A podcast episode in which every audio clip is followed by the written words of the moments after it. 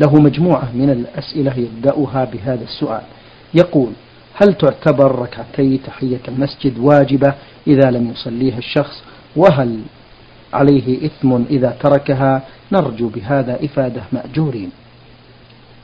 الحمد لله رب العالمين وأصلي وأسلم على نبينا محمد وعلى آله وأصحابه أجمعين.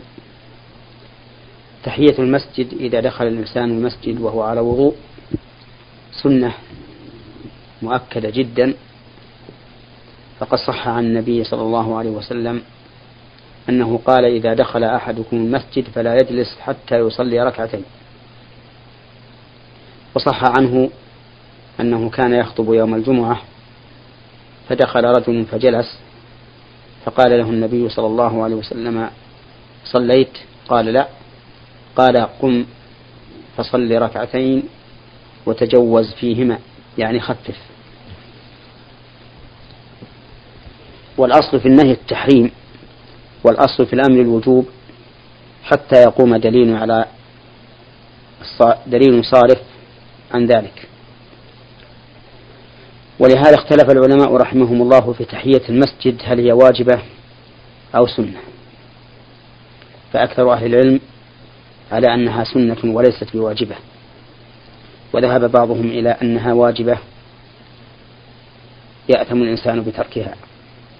وعلى القول بأنها سنة لا يأثم بتركها لأن السنن إذا فعلها الإنسان أثيب عليها وإن تركها لم يعاقب عليها. والقول بالوجوب قول قوي. يقويه أنه أن الأصل في النهي التحريم وأن الأصل في الأمر الوجوب ويقويه أيضا أن النبي صلى الله عليه وسلم قطع خطبته يوم الجمعة ليأمر هذا الرجل بالصلاة. ويقويه أيضا أن هذا الرجل أمره النبي صلى الله عليه وسلم أن يشتغل بالصلاة عن استماع الخطبة واستماع الخطبة واجب ولا يشتغل بشيء عن واجب إلا وهو إلا وهو واجب مثله أو أوكد منه ولهذا نحن نحث إخواننا المسلمين على صلاة ركعتين إذا دخلوا المسجد وهم على طهارة قبل أن يجلسوا لأمر النبي صلى الله عليه وسلم بذلك ولنهيه عن الجلوس قبل الصلاة. ولا فرق في ذلك بين أن يدخل المسجد في وقت النهي أو في غير وقت النهي. فإذا دخله في الضحى أو بعد الظهر أو بعد صلاة العشاء أو بعد صلاة المغرب فليصلي قبل أن يجلس. وكذلك إذا دخله بعد صلاة الفجر أو عند قيام الشمس في وسط النهار أو بعد صلاة العصر فإنه لا يجلس حتى يصلي. لعموم قوله صلى الله عليه وسلم إذا دخل أحدكم المسجد فلا يجلس حتى يصلي ركعتين. وهذا العموم لا شك أنه معارض بعموم النهي عن الصلاة في أوقات النهي لكن هذا العموم محفوظ. وأما أحاديث النهي عن الصلاة في أوقات النهي فإنها غير محفوظة أي أنها أنها قد دخلها التخصيص.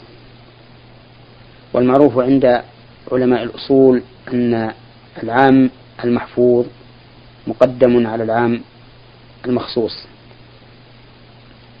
لأن تخصيص العام يدل على أن عمومه غير مراد فتضعف فيه إرادة العموم لكل الصور بخلاف العام المحفوظ الذي لم يخصص فإنه يدل على أن عمومه مراد.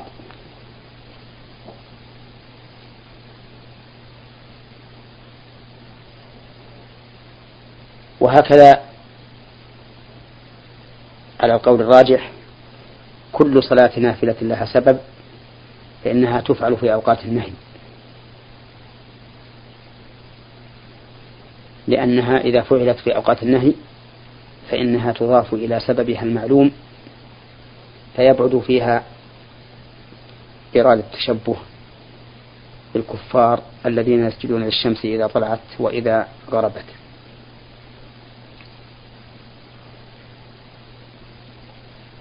قد يقول قائل لماذا لا نجزم بالقول بوجوب صلاة الركعتين لمن دخل المسجد على طهارة؟ فنقول إننا لا نجزم بذلك لأنه لأن فيه شبهة تمنع من هذا الجزم وهي أن النبي صلى الله عليه وسلم إذا دخل المسجد يوم الجمعة فإنه يصعد المنبر ولا يصل ولا يصلي ركعتين. وهذا قد يقال إنه مخصص وقد يقال إنه ليس بمخصص لأن تقدمه إلى المنبر وصعوده إليه من أجل الخطبة التي هي مقدم مقدم صلاة الجمعة. فهي من التوابع للمستقلات. على كل حال الذي أرى أن القول بالوجوب قوي جدا جدا ولكنني لا أتجاسر على القول بتأثيم من لم يصلي ركعتين. وليعلم أن من دخل المسجد الحرام من أجل أن يطوف فإن الطواف يغني عن الركعتين. لأن النبي صلى الله عليه وسلم حين دخل المسجد الحرام في عمرته وكذلك في حجه في طواف الإفاضة لم ينقل عنه أنه صلى ركعتين. وقد اشتهر عند كثير من الناس أن تحية المسجد الحرام الطواف ولكن هذا ليس على إطلاقه وإنما تحية المسجد الحرام الطواف لمن دخل ليطوف. أما من دخل ليصلي أو ليقرأ أو ليستمع إلى ذكر أو ما أشبه ذلك فإن المسجد الحرام كغيره من المساجد تكون تحيته صلاة الركعتين. المستمع محمد إبراهيم يقول في هذا السؤال ما حكم الشرع في صلاة المسافر؟ حيث أنني يوميا أذهب إلى مكان العمل والعمل يبعد عن محل الإقامة حوالي 85 كيلومتر وسيصبح العمل والعمل يبدأ من الصبح وحتى نهاية صلاة العشاء.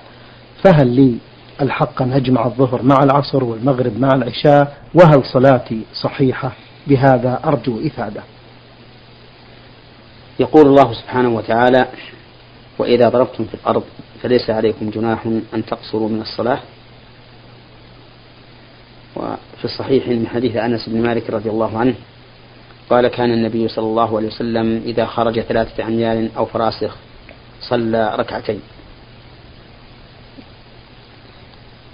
وأنت في عملك الذي تذهب إليه يوميا ويبعد عن محل إقامتك خمسة وثمانية كيلو ولكنك ترجع وتبيت عند أهلك يرى بعض العلماء أنك مسافر وهؤلاء هم الذين يحددون المسافة بل الذين يحددون السفر بالمسافة لأن مسافة القصر ثلاثة وثلاثون كيلو وثلاثمائة وبضعة عشر مترا. وأنت قد تجاوزت هذه المسافة فلك أن تقصر الصلاة ولو رجعت إلى محل إقامتك. وبت فيها. وأما من يرى أن السفر ما يسمى سفرا فإن الظاهر أن محل عملك الذي أشرت إليه والذي ترجع فيه والذي ترجع منه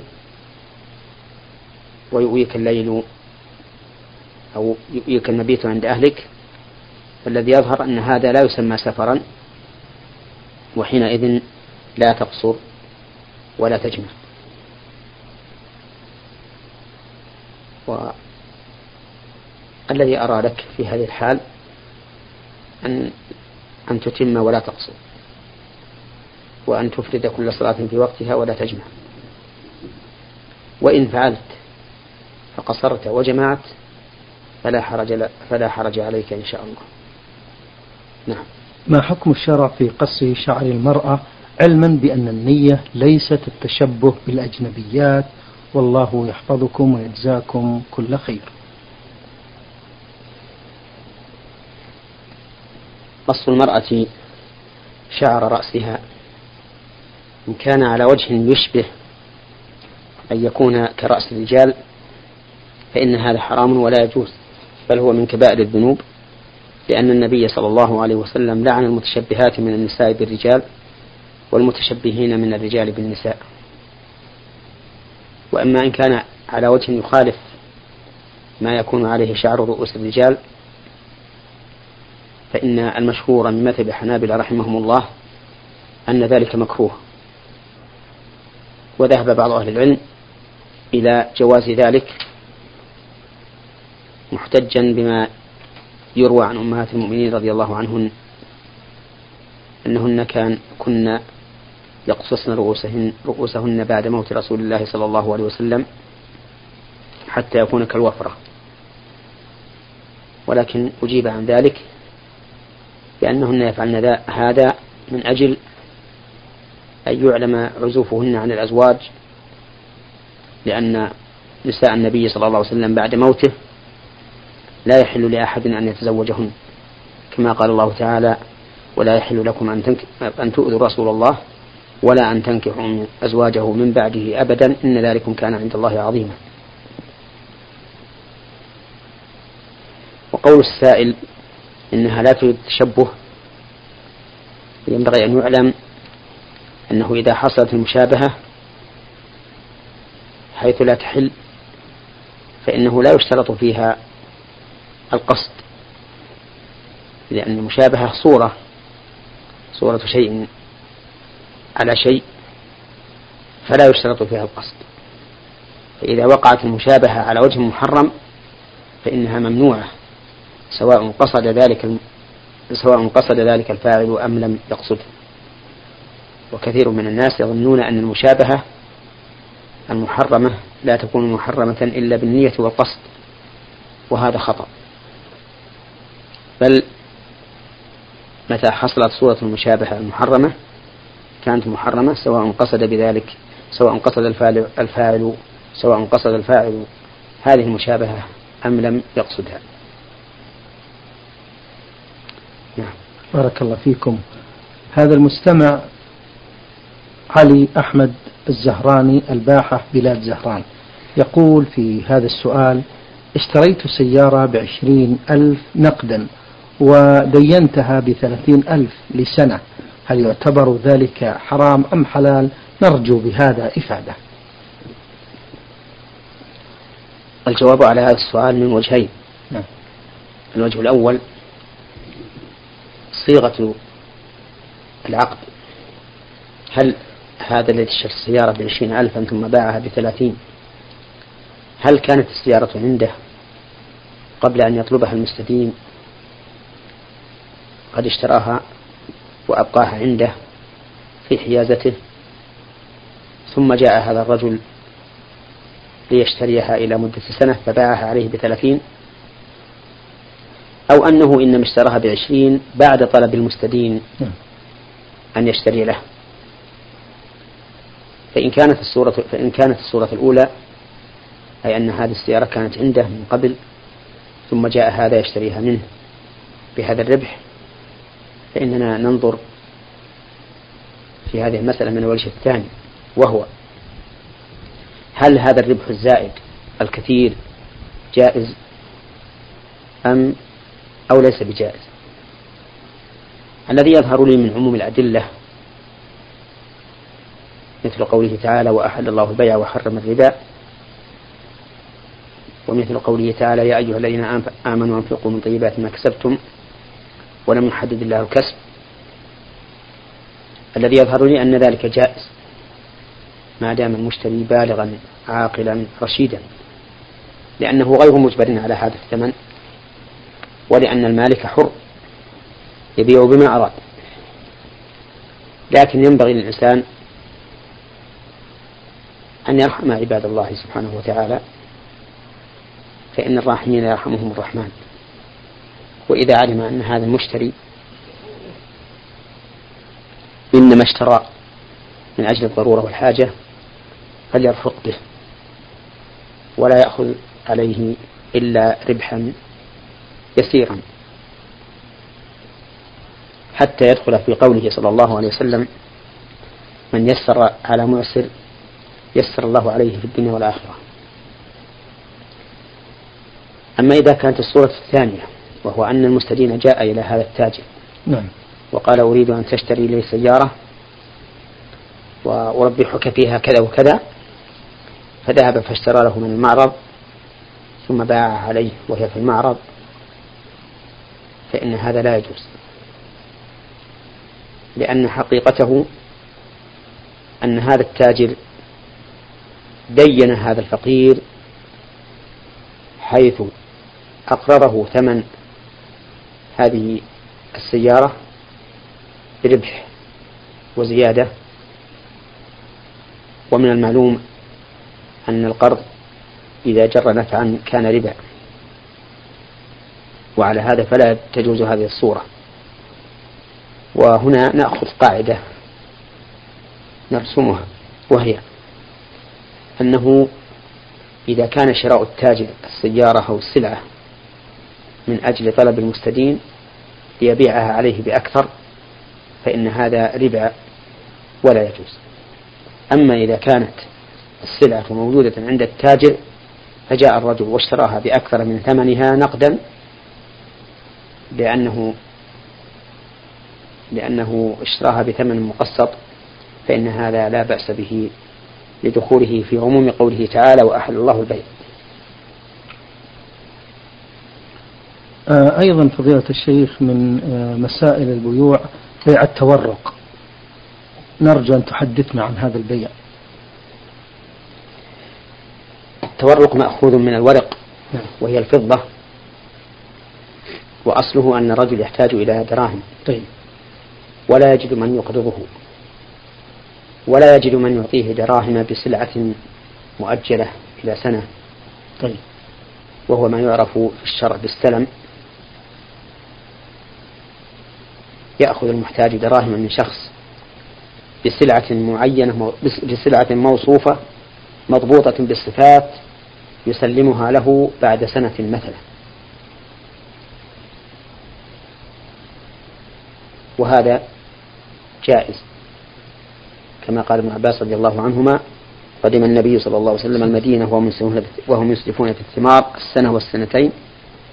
وأظنه قال والثلاث فقال النبي صلى الله عليه وسلم من أسلف في شيء فليسلف في كيل معلوم ووزن معلوم إلى أجل معلوم. أقول إذا احتاج الإنسان إلى الدراهم ولم يجد من يقرضه ولا من يسلم إليه الدراهم على الوجه الذي ذكرنا واشترى سلعة تساوي مئة بمئة وعشرين إلى سنة ثم باعها وانتفع بثمنها. فهذه مسألة التورق. وسميت تورقا لأن المشتري فيها محتاج إلى الورق أي إلى الفضة وهي النقد. وللعلماء فيها خلاف معروف. فمنهم من أجازها ومنهم من منعها. وممن منعها شيخ الإسلام ابن تيمية رحمه الله. حتى إنه روجع في ذلك مرارا. حتى أنه روجع في ذلك مرارا. ولكنه أبى رحمه الله أن يحلها. لأنها تفتح باب الحيل والخداع. طيب. ولهذا كانت نتيجتها الآن سيئة. ولا أظن أحدا من أهل العلم يقول بجوازها. وذلك أنهم صاروا يأتون إلى التاجر ليستدينوا منه. فيبيع عليهم ما يبيع ثم يذهب التاجر والمستدين إلى صاحب دكان عنده هذه السلعة فيشتريها التاجر شراء صوريا. ليس مقصودا. ولهذا لا يقلبها. ولا ينظر فيها. ولا يكاسر ويماكس. فيما يعينه البائع من الثمن. يأخذها بأي ثمن اتفق. وعلى أي صفة كانت.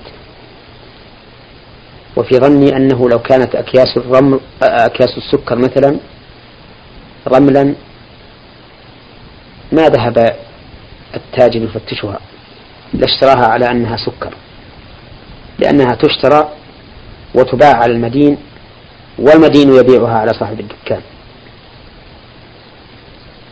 وهذا لا شك أنه محرم وأنه لا ينطبق على مسألة التورط ولهذا كان شيخ الإسلام رحمه الله إذا ذكر هذه المسألة لم يذكر فيها خلافا في التحريم. وإذا ذكر مسألة التورق ذكر فيها قولين لأهل العلم. ثم توسعت الأمور حتى وقع الناس في أكل الربا أضعاف مضاعفة. فإذا حل الدين قال استدن مني وأوفني. فيستدين منه على هذه الصورة التي هي لعب بأحكام الله عز وجل يشتري منه ويوفيه ويزيد عليه الدين. ومنهم من يأتي بأمور أخرى منكرة ليس هذا موضع بسطها. فنسأل الله لإخواننا الرزق الطيب الحلال وإنني بهذه المناسبة أنصح إخواني الذين ابتلوا بهذا الأمر أن يتوبوا إلى الله عز وجل وأن يقلعوا عن هذا وأن يتقوا يوما يرجعون فيه إلى الله ثم توفى كل نفس ما كسبت وهم لا يظلمون وأن يعلموا أن كل شيء يكسبونه عن طريق محرم فإنه لا خير لهم فيه بل هو خسارة في الدنيا والآخرة. تنزع البركة منه. فإن تصدقوا به لم يقبل منهم وإن أنفقوه لم يبارك لهم فيه وإن خلفوه بعدهم كان غرما عليهم وغنيمة لمن ورثهم. ولله ميراث السماوات والأرض والله بما يعملون خبير. بارك الله فيكم على هذا التوجيه الطيب. آه مستمع آه من بلاد زهران علي أحمد يقول في هذا السؤال هل تعتبر زوجة خالي من المحارم أم من الأجانب؟ وهل يجوز لي أن أسافر معها؟ زوجة خالك ليست من المحارم بل هي من الأجانب. وأنا أعطي هنا قاعدة وهي أن زوجة القريب ليست بمحرم. كل قريب فزوجته ليست بمحرم إلا الأب وإن علا والابن وإن نزل فإن زوجة الأب وإن علا محرم لك. لقوله تعالى ولا تنكحوا ما نكح آباؤكم من النساء إلا ما قد سلف. وزوجة ابنك وإن نزل محرم لك أيضا. لقوله تعالى في جملة المحرمات وحلائل أبنائكم الذين من أصلابكم. وما عدا الأصول والفروع من الأقارب فإن زوجاتهم لسن محارم لأقاربهم. اللهم إلا أن يكون هناك سبب آخر كرضاء وهذا شيء لا يتعلق بالمصاهرة. نعم. آه من أسئلة المستمع أيضا علي أحمد ومن بلاد زهران يقول إذا حضرت لصلاة الفجر فأقام المؤذن للصلاة أظنه في فقرة. في فقرة في السؤال الأول يقول وهل أسافر معه نعم. والجواب على ذلك نعم لك أن تسافر معها إذا كان معها محرم. طيب. أما إذا لم يكن معها محرم فإنه لا يحل لامرأة تؤمن بالله واليوم الآخر أن تسافر بلا محرم. نعم. يقول إذا حضرت لصلاة الفجر فأقام المؤذن للصلاة ولم أصلي ركعتي السنة هل يجوز لي أن أصليها بعد صلاة الفجر؟ سنة الفجر سنة مؤكدة وهي أوكد الرواتب. الثنتي عشرة. قال فيها رسول الله صلى الله عليه وسلم ركعة الفجر خير من الدنيا وما فيها. وكان رسول الله صلى الله عليه وسلم يواظب عليها حضرا وسفرا. والسنة فيهما التخفيف أي أن يخففهما الإنسان لكن بطمأنينة قالت عائشة رضي الله عنها كان رسول الله صلى الله عليه وسلم يخففهما حتى إني أقول أقرأ بأم القرآن. ويقرأ في الركعة الأولى قل يا أيها الكافرون. وفي الركعة الثانية قل هو الله أحد. وإن شاء قرأ في الأولى قولوا آمنا بالله وما أنزل إلينا وما أنزل إلى إبراهيم. إلى آخر الآية في سورة البقرة وفي الثانية قل أهل الكتاب تعالوا إلى كلمة سواء بيننا وبينكم ألا نعبد إلا الله. الآية في آل عمران. وإن قرأ بغير ذلك فلا حرج. إنما هذا على سبيل الأفضلية. وتكون قبل الصلاة كما هو معروف. لكن إذا جئت والإمام في صلاة الفجر وأنت لم تصلها فصلها بعد أن تفرغ من الصلاة وأذكارها ولا حرج عليك في هذا. وإن أخرتها إلى ما بعد طلوع الشمس وارتفاعها قدر الرمح فلا بأس بذلك إلا أن تخاف من نسيانها أو الانشغال عنها فصلها بعد صلاة الفجر وأذكارها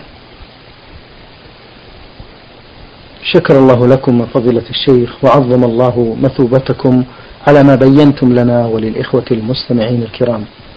إخوتنا الأكارم